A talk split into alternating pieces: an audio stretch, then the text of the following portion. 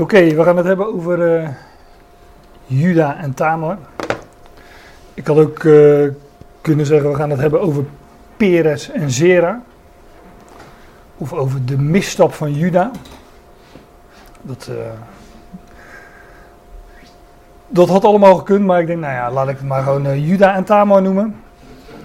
geschiedenis die we vinden in Genesis 38. Ehm, even een waarschuwing van tevoren. Dit is. Uh... Hm? Niet geschikt voor jou toch?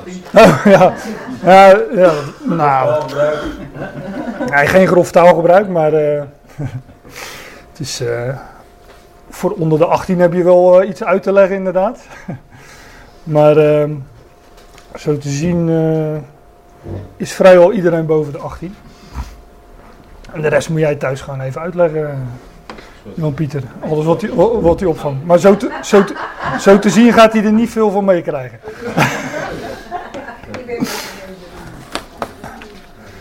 En mijn kinderen kennen het verhaal al, dus die zijn gewoon naar buiten.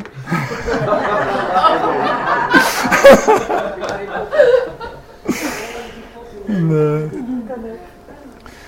op de een of andere manier uh, smult Fem altijd wel van dit soort verhalen. Van uh, Juda en Tamar, David en Batseba. Dan, dan zit ze echt met de rode wangetjes te luisteren. Dus dat belooft nog wat.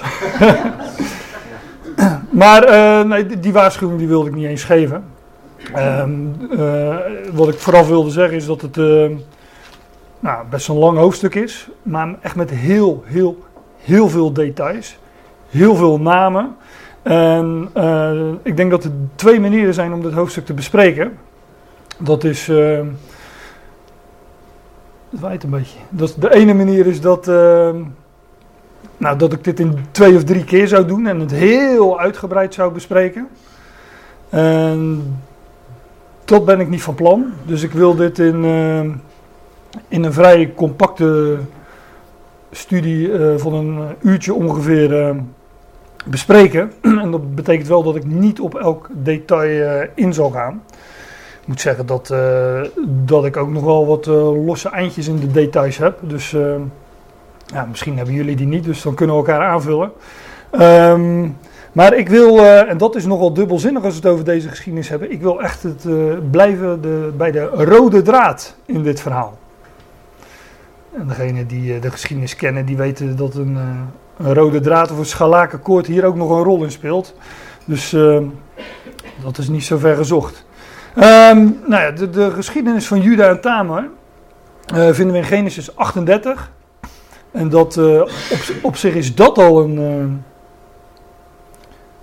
een bijzonder detail. Omdat, ik heb dat, we hebben het tijdje terug over Jozef gehad. Die eerste geschiedenis van Jozef. Als Jozef op het toneel komt, de verwerping door zijn broers, dat hij in de put wordt gegooid en verkocht wordt. Nou, die geschiedenis van Jozef in Genesis 37, die hebben we dus besproken. Jozef op zoek naar zijn broers. En de rest van Genesis is eigenlijk, ja, niet eigenlijk, is dat, dat vervolgt met de geschiedenis van Jozef. En deze, dit hoofdstuk, deze geschiedenis van Juda en Tamar, is een onderbreking in de geschiedenis van Jozef. En zodra wij het woord onderbreking horen of een intermezzo, ja, dan weten wij al van, hé, uh, hey, dan moeten we de oren spitsen en uh, de ogen goed open hebben. Want dan, dan uh, kun je bijna ja, kun je de vergif op innemen dat het, dat het iets zegt over de onderbreking in de, ja, in de, om het zo te noemen, in de heilsgeschiedenis. Hè. Gods plan, Gods handelen met Israël werd onderbroken. Nou, hoezo dan? Nou, vanwege Juda's misstap. En die misstap van Juda, die vinden we hier in Genesis 38. Op, uh, uh, en wat daaruit voortkomt, eh, is de geboorte van een tweeling. En ook, ja, ook dat is weer de namen en hoe dat, hoe, ja, wat er gebeurt bij die geboorte. Ook dat is weer illustratief voor, voor onze tijd en hoe het, hoe het zal gaan met, met Israël. Want de, de, de, de, de komst van de Messias werd onderbroken. De komst van Jozef, de verhaallijn van Jozef, wordt hier onderbroken. Zoals de, zoals de komst van de Heer Jezus Ja, wij hebben het altijd over een eerste en tweede komst, maar daar heeft de Bijbel het niet over. De Bijbel spreekt gewoon over zijn komst, zijn parousia, zijn, zijn komst uh, enzovoort. En die komst is bij wijze van spreken, nou wel meer dan bij wijze van spreken, maar die is onderbroken. En er is een intermezzo, een, uh, een geheime, verborgen periode daartussen geschoven, waarin uh, het evangelie naar de natie ging, waarin een andere apostel opstond. En ja, de apostel van de natie, Paulus. En die mocht dingen bekendmaken die tot dan toe verborgen waren gebleven. En uh, ja, ze zijn verborgen, onder andere in, uh, in Genesis. En al hier in de setting van die hoofdstukken, maar ook in het, in het verhaal zelf. Nou, nog even met een, een lijntje, een tijdlijntje zeg maar. Genesis 37 spreekt hoe Jozef verworpen wordt door het huis van Jacob en in de kuil gegooid. Hè. Kuil, altijd een, in de beschrift ook een beeld van het graf. Als uitbeelding van de Heer Jezus Christus die verworpen werd door het huis van Jacob, namelijk uh, de stammen van Israël, en, uh, en gedood werd, in de kuil werd gegooid. Nou, daartussen vinden we de misstap van Juda. En in Genesis 39 tot 50 gaat het gewoon verder met, uh, nou ja, even heel kort samengevat. Maar Jozef in het buitenland. Als beeld van uh, Christus onder de natieën. Jozef in de gevangenis. Als uitbeelding van uh, de gevangenis. is ook een uitbeelding van de Ecclesia. Paulus schreef zijn belangrijkste brieven niet voor niets vanuit uit de gevangenis. Het buitengesloten van de maatschappij. Hij zegt het ook meerdere keren. Ik, de gevangene in de Heer. Maar die Jozef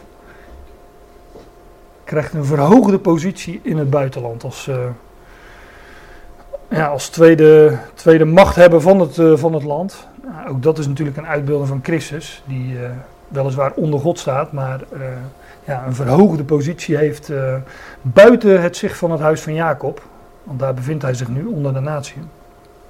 En natuurlijk spreekt het, het vervolg van Genesis ook van ja, hoe hoe straks het huis van Jacob weer wel tot de ware Jozef zal komen. Nou, dat is dus uh, de setting van, van dit hoofdstuk. En daarmee hoop ik dat we in ieder geval alert zijn op wat we in dit hoofdstuk kunnen vinden. Maar dat, ik, ik, zie jullie allemaal oplettend kijken, dus het moet goed gaan komen. Nou, wat ik doe is gewoon vers voor vers het hoofdstuk doorgaan. Dat lijkt me de meest logische manier. Het gebeurde in die tijd, vers 1, dat Juda van zijn broers wegtrok en zijn intrek nam bij een man uit Adullam. Zijn naam was Hira. Hier in het 38e hoofdstuk begint het dus met Juda.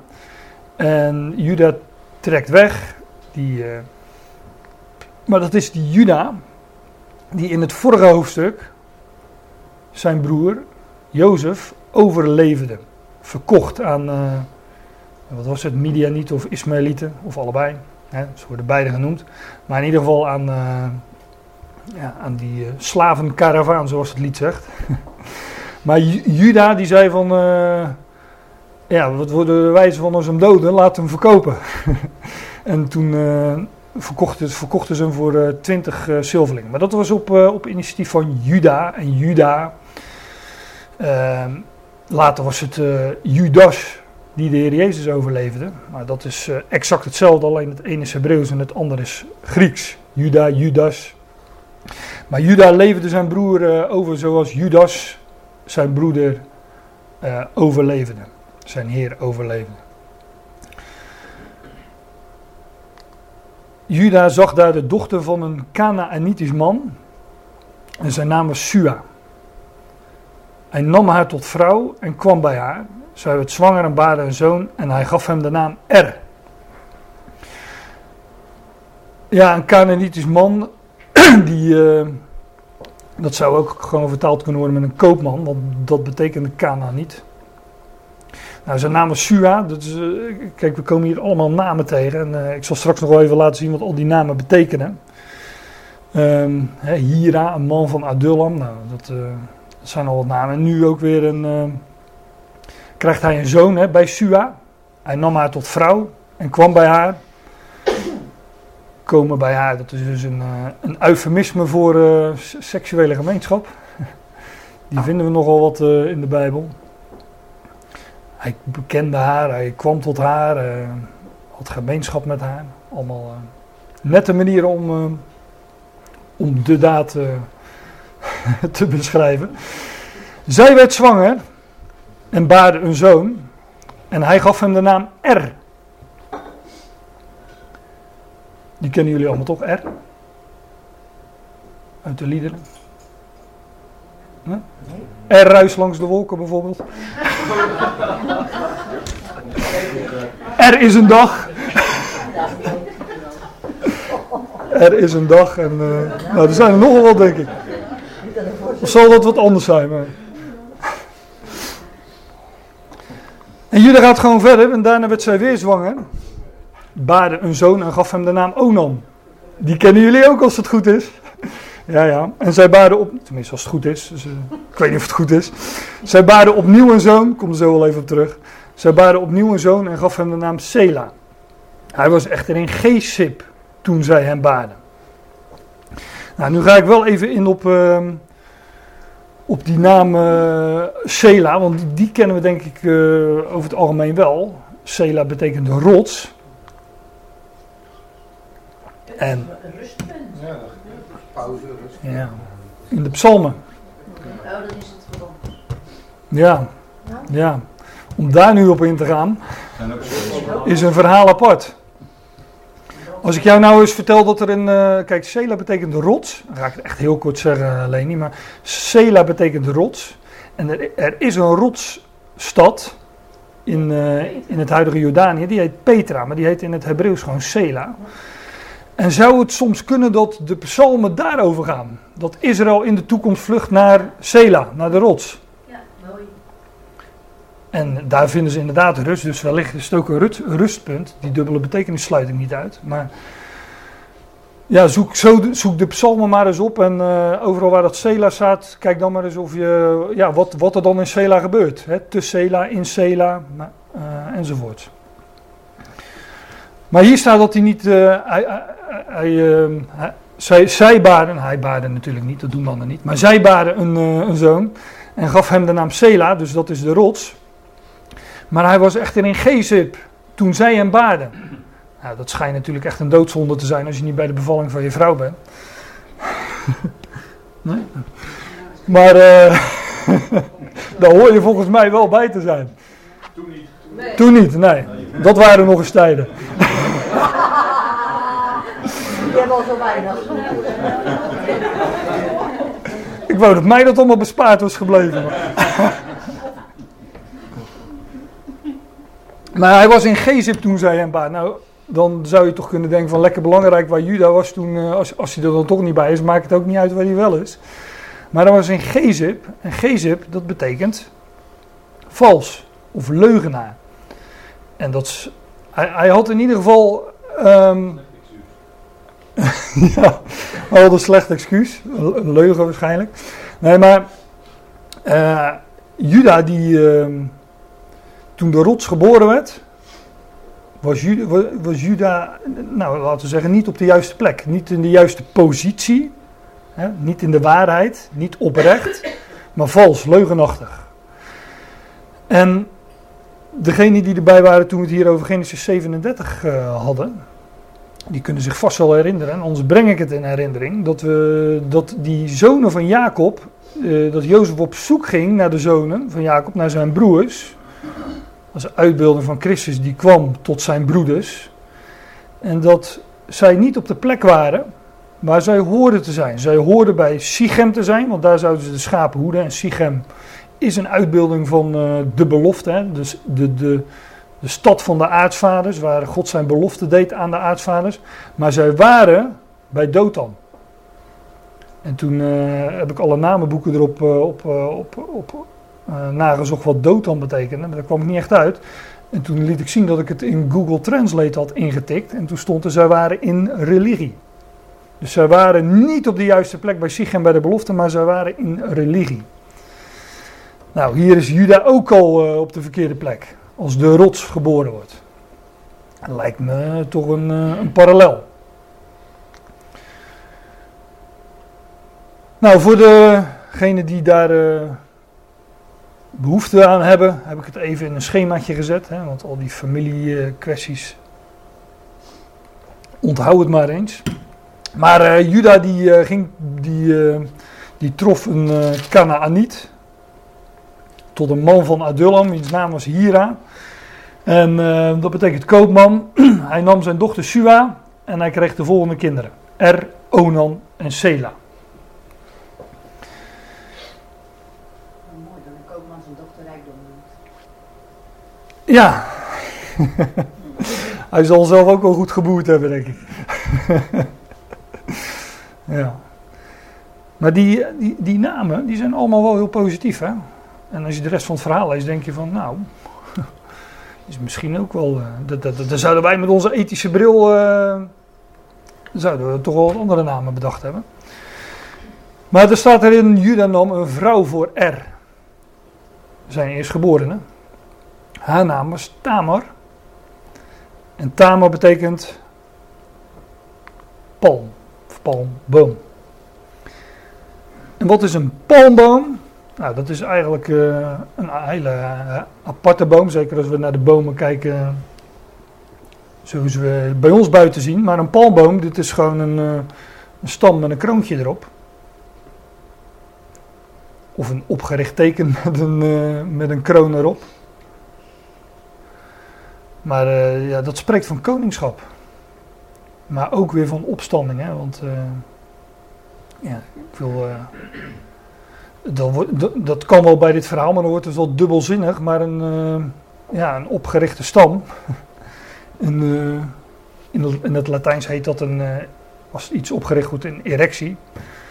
Dan, dat spreekt van opstanding. En dat is ook de manier waarop nieuw leven tot stand komt in de seksualiteit. Maar dat gaan we straks allemaal nog lezen, dus ik loop wat op de muziek vooruit natuurlijk. Um, ik had ook Asterix en Obelix kunnen noemen. Hè? Obelix die altijd met, met dat opgerichte teken rondloopt. Die, uh, op, op, die uh, hè? ja, Menheer heet dat geloof ik, een Menheer. Maar dat is, ja, dat is ook gewoon een, uh, zoals Jacob die rots overeind zette bij Bethel. En, alleen Obelix die loopt ermee op zijn rug. Dat is ook niet verkeerd natuurlijk om er altijd bij te hebben zie sommige mensen wat vragend kijken, die kennen de literatuur niet blijkbaar, maar uh, ik, heb er daar, ik, ik, heb er daar nog wat liggen hoor, dus uh, als je ze wil lenen dan uh, ook nog iets met toverdrank en kracht en, en, dan voel je je weer als hij boren en nou ja, in staat om de vijand weerstand te bieden. Nou. Palmboom betekent Tama, want daar was ik. En die palmboom beeldt dat ook uit, dat kroontje op die stam. Maar er krijgt dus een vrouw van, van zijn vader. Dat is wel makkelijk, hoef je die zelf niet naar te zoeken. Maar dit, ja, ik, dit, dit, ik, ik zeg dat wat laconiek, want wat we hier allemaal gaan lezen, dat, uh, ja, jij moet zelf uit gaan zoeken straks. Maar wat we hier straks gaan lezen, dat, dat, dat ligt best wel ver van ons uh, vandaan. Het is ook duizenden jaren geleden. Maar hier zocht de, de vader dus een, een vrouw voor, voor de zoon. Maar Er, de eerstgeborene van Juda, want dat is van belang in de schrift, hè, wie is de eerstgeborene, was slecht in de ogen van de Heer, daarom doodde de Heer. Er, de eerstgeborene van Juda, is kwaad in de ogen van Yahweh. Dat is ook het refrein wat we telkens weer terug horen in het boek Koningen. Komt de koning, die deed wat kwaad was in de ogen van, de, van Yahweh. En uh, nou ja, dode God hem meestal niet gelijk, maar ja, uiteindelijk uh, moest hij ook het veld ruimen. Maar hier is het R die het veld uh, moet ruimen. Er staat niet bij waarom. Um, dus uh, we lezen gewoon verder. Maar hij deed tot kwaad was in de ogen van je en daarom doodde, hij hem. Toen zei Juda tegen Onan: Kom bij de vrouw van je broer en vervul je zwagerplicht tegenover haar en verwek nageslag voor je broer. Ja, als je hier nog nooit van gehoord hebt, denk je van wat gebeurt hier nou weer? Maar daarom zeg ik, dit is een aantal duizenden jaren geleden. En uh, in de wet wordt gesproken over het, le het leviraats of het zwagerhuwelijk. En ik heb die versen niet, uh, die ga ik niet helemaal lezen, want het is best een lapje tekst weer. Maar zoek dat thuis maar eens na, bijvoorbeeld in Deuteronomium 25, vers 5 tot uh, 10. Daar staat dus, als een, um, als de vrouw van een, uh, als de man van de, van, van de vrouw stierf, dan had de, de broer de, de, de plicht om, uh, om het leviraatshuwelijk, het zware huwelijk aan te gaan. Want ja, wij denken dan van ja, hoezo, maar in die tijd, en ja, dat weten we ook uit Genesis, ik zei het net al, was het belangrijk dat er nageslacht zou komen. Wie zou de eerstgeborene zijn? En er moest nageslacht komen. En als een vrouw stierf zonder dat er nageslacht was, dan um, was bij wet geregeld dat de broer uh, die plicht op zich nam. En uh, die vrouw uh, bij zich nam, om het dan ook eufemistisch te zeggen, en nageslacht verwekte. Nou, dat vind je dus in, in deze verse. Um, dus Juda zei tegen Onan, kom bij de vrouw van je broer, hè, zoals het bij wet geregeld was, vervul de zware plicht tegenover haar en verwek nageslacht voor je broer. Onan wist echter dat dit nageslacht niet voor hem zou zijn. Het zou zeg maar niet op zijn naam komen. Want als hij nageslacht verwekte, Onan, bij Tamar, dan uh, kreeg hij zeg maar, uh, hoe moet ik dat zeggen? dan stond hij op naam van R, om het zo te zeggen. En dan werd in het geboorteregister bij op het gemeentehuis ingeschreven, nou dat is de zoon van R. Nou, Onan wist echter dat dit nageslag niet voor hem zou zijn, daarom gebeurde het, telkens wanneer hij bij de vrouw van zijn broer kwam, eufemistisch, dat hij zijn zaad op de grond verspilde om zijn broer geen nageslag te geven. Onan is hier beroemd door geworden.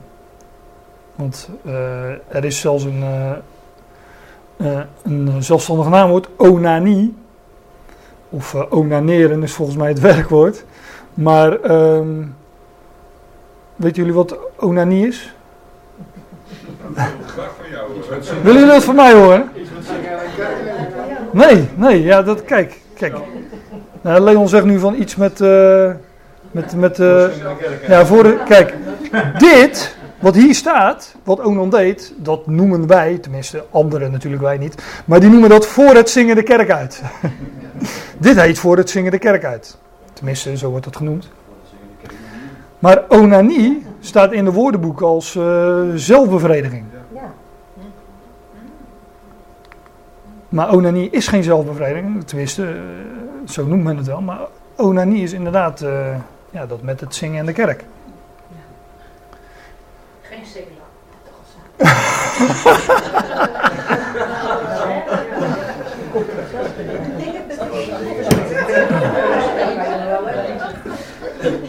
Maar dat, dat, dat, dat, toont maar ook waar weer eens aan hoe slecht men de schrift leest. Toch? Ik bedoel, als je zelfbevrediging, als je, als je dit zelfbevrediging noemt. Nee, hier zijn andere termen voor. En, ja, er zit natuurlijk heel verhaal aan vast van het onanie en een zelfbevrediging en uh, het taboe wat, wat de, de, en het, de, um, uh, allerlei dingen die de kerk daarop toegepast heeft. Hè, dat dat een, een zonde zou zijn of misschien wel een doodzonde, dat weet ik niet eens. Maar ook om mensen schuldgevoel aan te praten. Ja, weet je... over zelfbevrediging, voor zover ik weet, vind je niks in de, in de, in de schrift. Ik bedoel, uh, ja. ik, ik denk dat het ongezond is als een kind dat zich ontwikkelt naar een man of een vrouw, ja, daar uh, geen ontdekking in doet, om het zo te zeggen. Ik bedoel, uh, zo'n beetje. Kijk, juist dat onderdrukken van die dingen, dat, dat zorgt voor, ja. voor uit. Hoe zeg je dat? Voor uitspattingen of voor nou, in ieder geval dingen die niet goed gereguleerd worden. Hè? Ook het hele celibaat in die Rooms-Katholieke kerk. Nou, we weten allemaal uh, waar dat toe leidt. Ja, aan, uh, en juist aan een verdraaide seksualiteit. De dingen te onderdrukken en weg te duwen. Het komt er toch uit. Alleen dan, uh, ja, dan nog eens op een manier die, die juist niet deugt. Beter vertellen van de bloemetjes en de bijtjes. Ja, ja. Ik kan beter vertellen van de bloemetjes en de bijtjes inderdaad. Nou, dit deed eh, Onan dus. Die ging dus eh, voor het zingen de kerk uit. En eh, daardoor eh, verwekte hij geen nageslag voor zijn broer. En dat deed hij expres, want dat staat er. Hè? En wat hij deed, was, ja, dat was dus ook kwaad. Slecht in de ogen van Jabé. En daarom doodde hij hem ook.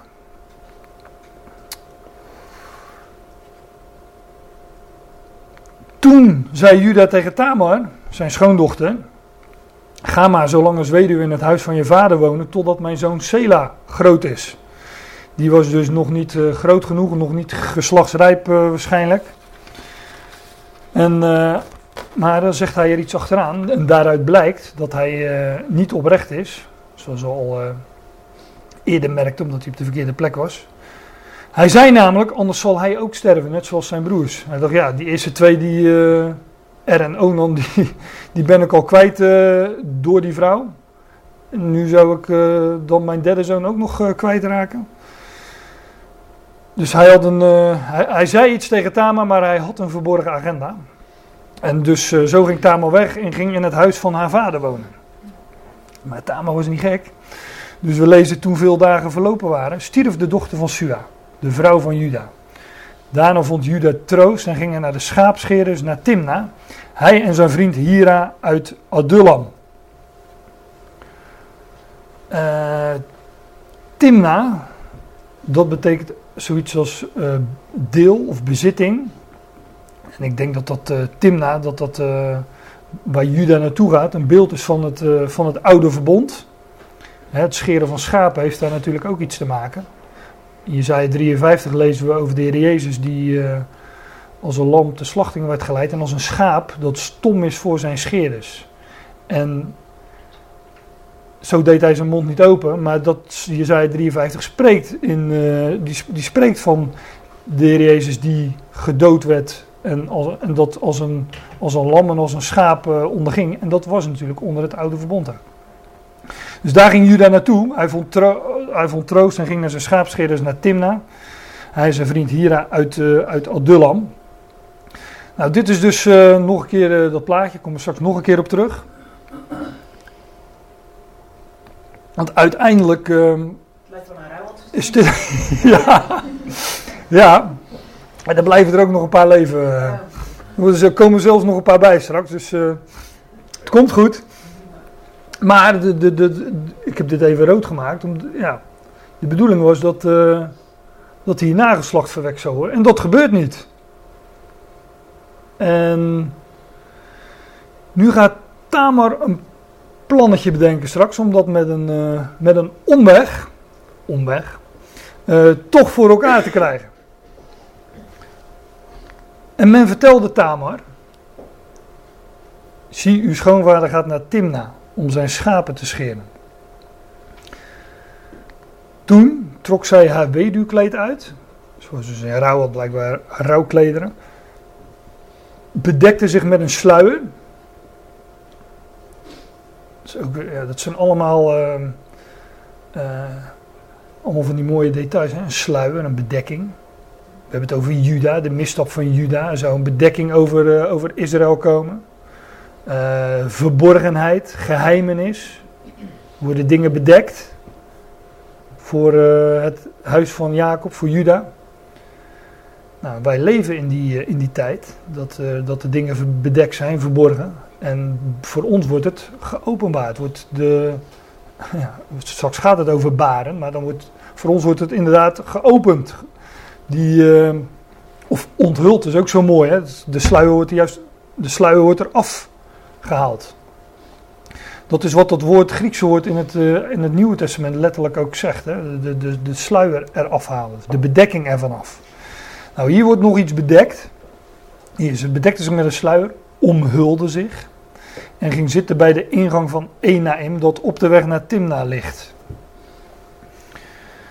Dus, nou, ik lees even verder. Zij had namelijk gezien dat Sela groot geworden was en zij en hem niet tot vrouw was gegeven. Zij dacht van, hé, hey, ik, eh, Ze voelden zich wel verantwoordelijk voor die familie. Ja, ja zij, wist, zij wist wat er moest gebeuren. Ja. En Kijk, eh, met een ethische, wat we straks gaan lezen, en voor zover jullie het eh, nog nooit gelezen hebben. Ik heb met een ethische bril kunnen zeggen van ja, dat, dat, dat kan je toch ook niet maken als vrouw zijn. Maar zij wist blijkbaar van nou, hier moet iets gebeuren. En ehm, voordat ik het vergeet te zeggen, zeg ik het nu maar vast. Wat hier gebeurt, is, is leidend geweest voor uh, voor, voor, we, hebben, we, hebben, het hier over uh, geslachtslijnen en eerstgeborenen. Maar uit deze geslachtslijn, uit die misstap van Juda en wat Tamar hier doet, daaruit is de Messias geboren. Want we vinden uh, Juda terug natuurlijk in het geslachtsregister van, uh, van Jezus. Want de heer Jezus is uit de stam van Juda. Maar dat is via de Peres en Zera, die hier worden geboren. En door deze misstap van Juda worden, worden geboren, zeg maar. Maar nu het natuurlijk echt op, uh, op de muziek uh, vooruit. Laten we dat niet doen uh, voor het zingen, zeg maar. Maar ik lees gewoon even, maar dan heb ik dat in ieder geval gezegd, want dat is belangrijk. Die, die tweeling die hieruit wordt geboren, die komen voor in, in Matthäus 1. In het, in het, in het geslachtsregister van, van Jezus. Dus het is niet voor niks dat het gebeurde en ook hier beschreven staat. Ja, zij had zich omhuld en, uh, met een sluier enzovoort. En dan staat er toen Juda haar zag, hield hij haar voor een hoer. Omdat zij haar gezicht bedekt had. Ik zei al, het zijn hele andere tijden. Want wij denken juist aan, uh, als het over hoeren gaat, dat ze zo weinig mogelijk bedekt hebben. Maar uh, ja. Hier, hier was dat blijkbaar anders. Hè. Moest dat misschien ik denk dat men daar wellicht nog wat meer gêne had en uh, dat allemaal wat meer in het ge geheim uh, gebeurde. Maar een hoer dus die bedekt is. en hij ging naar haar toe, langs de weg, en zei: Kom toch mee, ik wil bij u komen. nou ja, dat, ik zei al, dat, ook dat is een eufemisme. Hij wilde natuurlijk, hij wist precies wat hij wilde en wij weten het ook, dus ik hoef het niet uit te leggen. Um, hij wist immers niet dat het zijn schoondochter was. Kijk, dat was dus voor Juda. Voor Juda was verborgen wat, uh, wie zij werkelijk was. Hè? Spreek van koningschap, van, van opstand en koningschap, hè? die palm, Tamer. En hij zei, zij zei, sorry, wat zult u mij geven als u bij mij komt?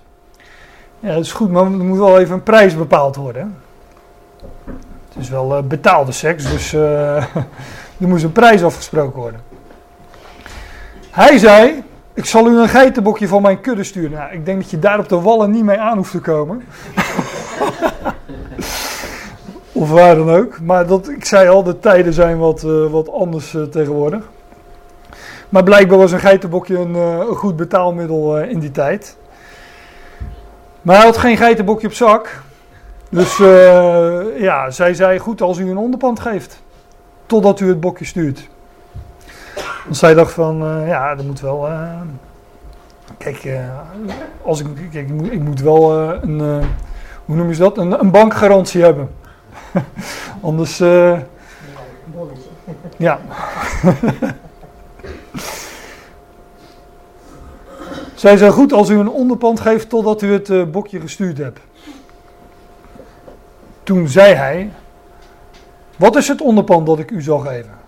Zij zei, uw zeegoring, uw snoer en uw staf die u in uw hand hebt. Hij gaf ze haar, kwam bij haar en zij werd zwanger van hem. Nou, dat heeft wel eens wat meer moeite gekost in Genesis. Hè? En dan ook in andere, in andere Bijbelverhalen, het uh, zwanger worden van, uh, van de vrouw. Maar hier gaat dat, ja, die Tamer was wel bij de Pinker natuurlijk, dus die, uh, die zal het moment ook wel uh, enigszins uitgekozen hebben, voor zover dat uh, kan. Maar uh, ja, zo'n zeegoring, een snoer en een staf zijn natuurlijk ook weer symbolen. Dus een ring spreekt van onvergankelijkheid, maar ook, ook van koningschap, van het zegel dat, waarmee, waarmee dingen bevestigd worden. En de staf, de herderstaf, de koningsstaf. Nou, enzovoort. Maar zij, uh, hij kwam bij haar en zij werd zwanger van hem. En daarna stond zij op, ging weg, legde haar sluier af, van zich af en trok haar weduwkleed weer aan. Dus, uh, nou ja. het leven gaat gewoon weer door, zeg maar. Alsof er niets gebeurd is, maar er is wel iets gebeurd. Alleen dat onttrekt zich aan het oog.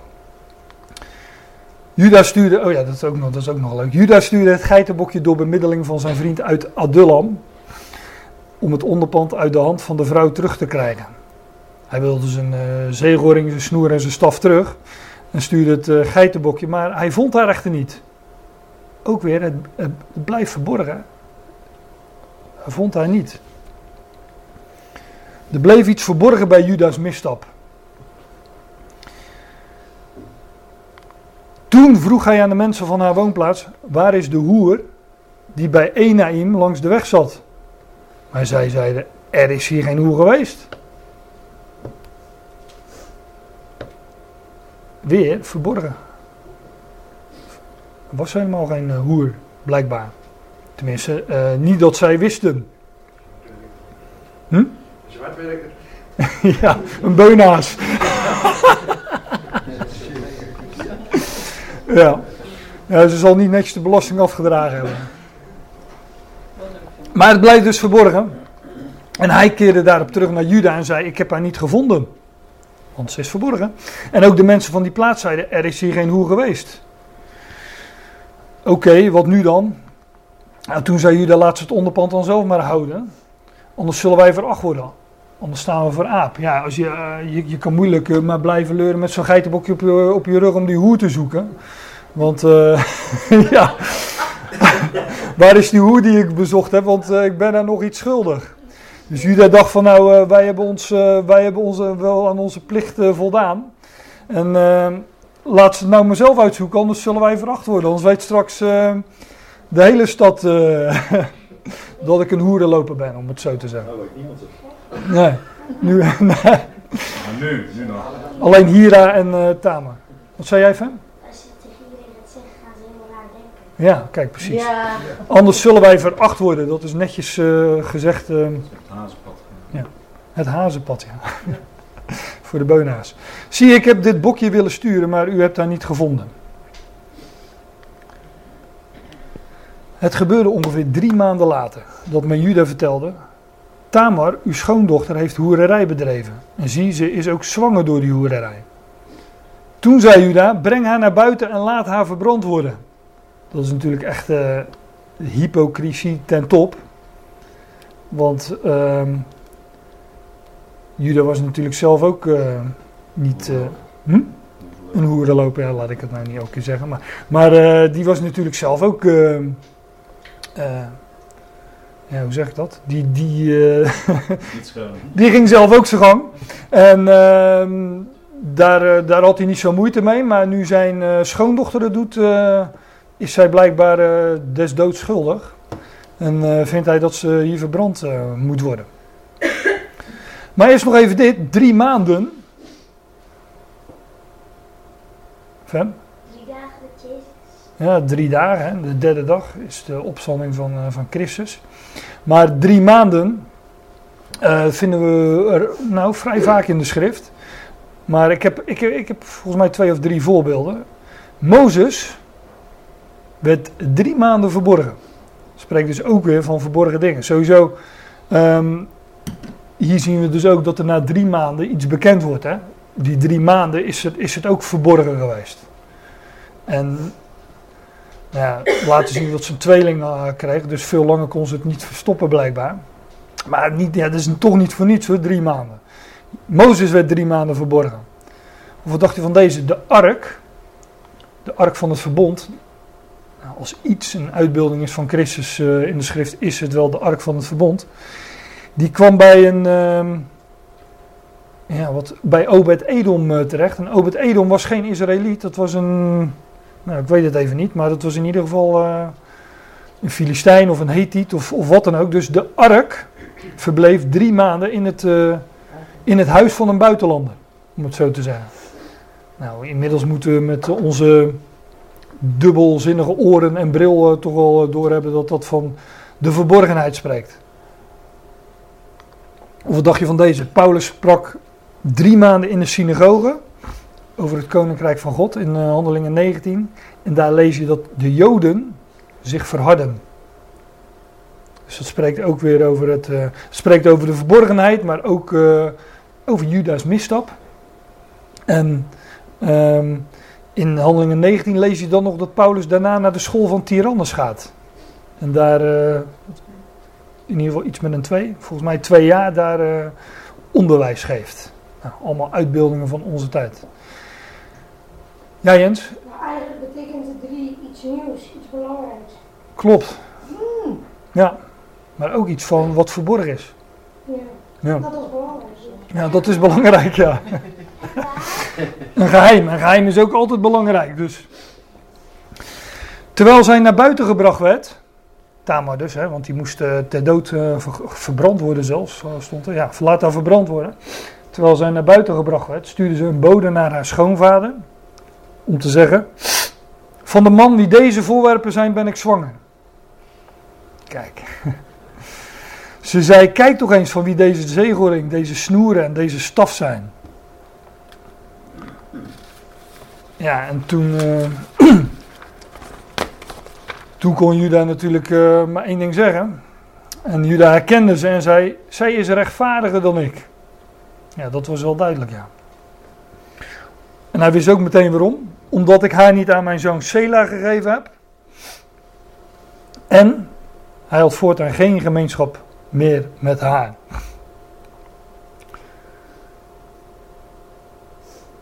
Oké, dus eh, eind goed, al goed. Hè? Tamar blijft leven en eh, nou, Juda die, eh, die heeft in ieder geval door dat, dat, dat, dat, dat wat hij gedaan heeft, dat het niet deugt. Maar het verhaal gaat natuurlijk nog verder, want het mooiste komt nog. Het gebeurde tegen de tijd dat Tamar zij baren zou. Zie, er bleek een tweeling in haar buik te zijn. Ja, dat is ook, eh, dat, dat is ook niet de eerste keer hè, in Genesis. Wat betekent de twee dan? Wat zeg je? Wat betekent de twee dan? Nou. Daar, daar hebben we het vanavond over, ja? Maar ik ga nu even verder, want anders. eh, We Oké, nou, daar hebben we het vanavond over. Maar een tweeling, die vinden we vaker in eh, Genesis. Hè, Isaac, en, eh, Isaac en Jacob. Ehm, er was een tweeling in haar buik. En dan weet je dus ook al dat er iets gaat gebeuren met de eerste en de tweede. Want het is altijd de vraag van ja, wie is nu de eerstgeborene? En in Genesis is het eh, ja, eigenlijk standaard dat degene die eerst geboren is, ook al is het geen tweeling, hè, zoals bij, eh, bij eh, ehm, Ismaël. Kijk, Ismaël was natuurlijk de oudste, maar hij werd niet tot eerstgeborene gesteld. Maar hier, de, de tweede is eigenlijk per definitie wordt hij tot eerstgeborene gesteld. Nou, hier wordt een tweeling geboren. En ehm, dus dat is belangrijk in verband met het eerstgeboorterecht. En terwijl zij baarden, gebeurde dat de ene zijn hand naar buiten stak. Dat heet dan een stuiteling, geloof ik. Hè? Als die, er- als die er. eh, Oh nee, dan komen de voeten eerst. Jullie zien al, ik heb er helemaal geen verstand van. Ja, jij, jij wel, ja. Terwijl ze baarden gebeurde dat de ene zijn hand naar buiten stak. En de vroedvrouw pakte die hand en bond er een scharlaken rode draad om, om zijn hand. En zei, deze komt er het eerst uit. Want dat was dus belangrijk in verband met dat eerstgeboorterecht. Nou ja, scharlaken in de schrift. Kennen we dat? Een scharlakenkoord, kennen we dat nog ergens van? Ja, Rahab, ja. Die, ehm,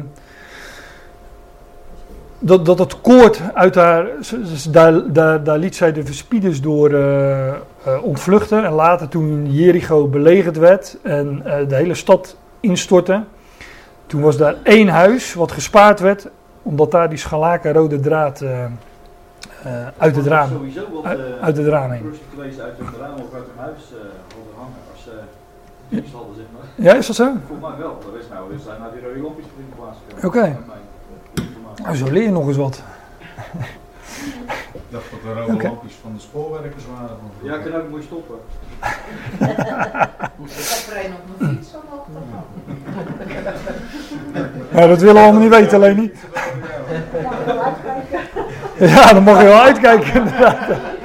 Springen ze allemaal achterop. Straks met een rijtop.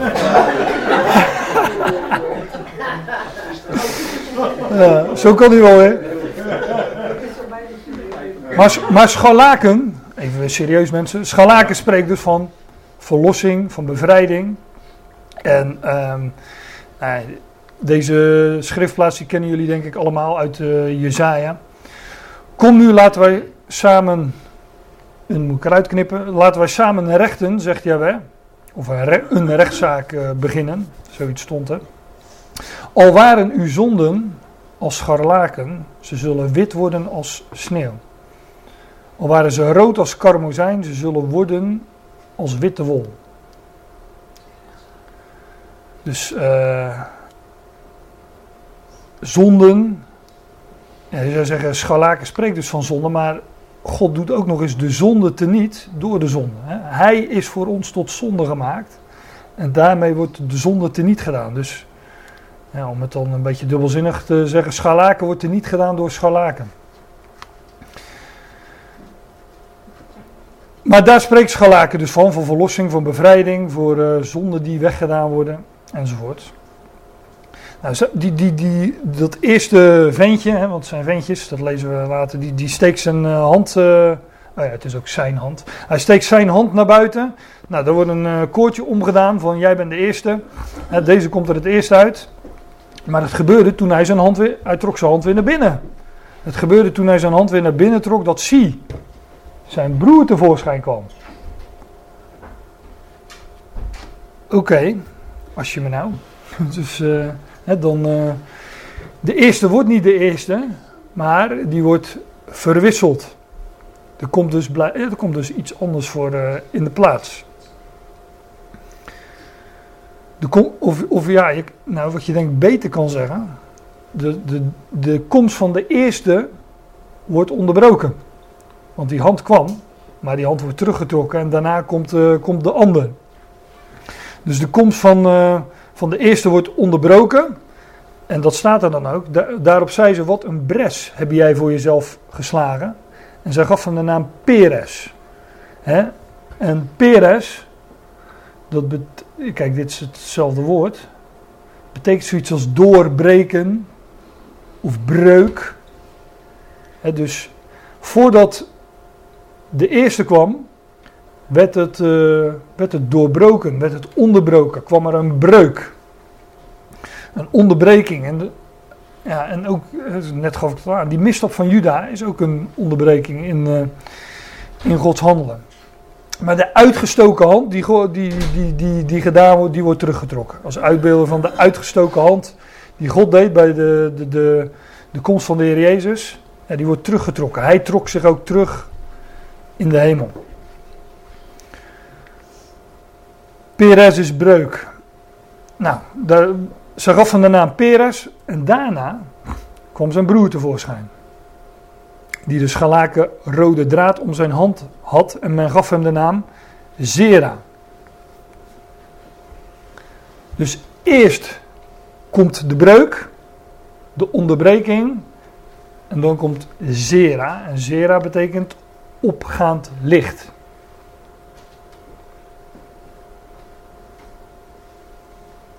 En ehm, het opgaande licht stak dus eerst de hand uit. Als beeld van de Heer Jezus Christus. Hij is natuurlijk het licht der wereld. Hij stak, hij stak de hand uit, maar de hand werd teruggetrokken. En daarna kwam de breuk. Nou, wij, ja, wij leven in die breuk. In die onderbreking in, eh, tussen, nou, om het dan toch zo te zeggen, tussen de eerste en tweede komst van de Heer Jezus. Of tussen zijn komst en zijn wederkomst. Of in de onderbreking van zijn komst. Zo kun je het natuurlijk ook zeggen. Maar daar leven wij in. En die hand die werd teruggetrokken. Eh, eh, maar natuurlijk komt, komt Sera alsnog. Het opgaande licht zal alsnog eh, komen. En het opgaande licht spreekt in de, in de profetie- profetieën van de komst van de Messias. van het komende koninkrijk. Ehm, ik heb.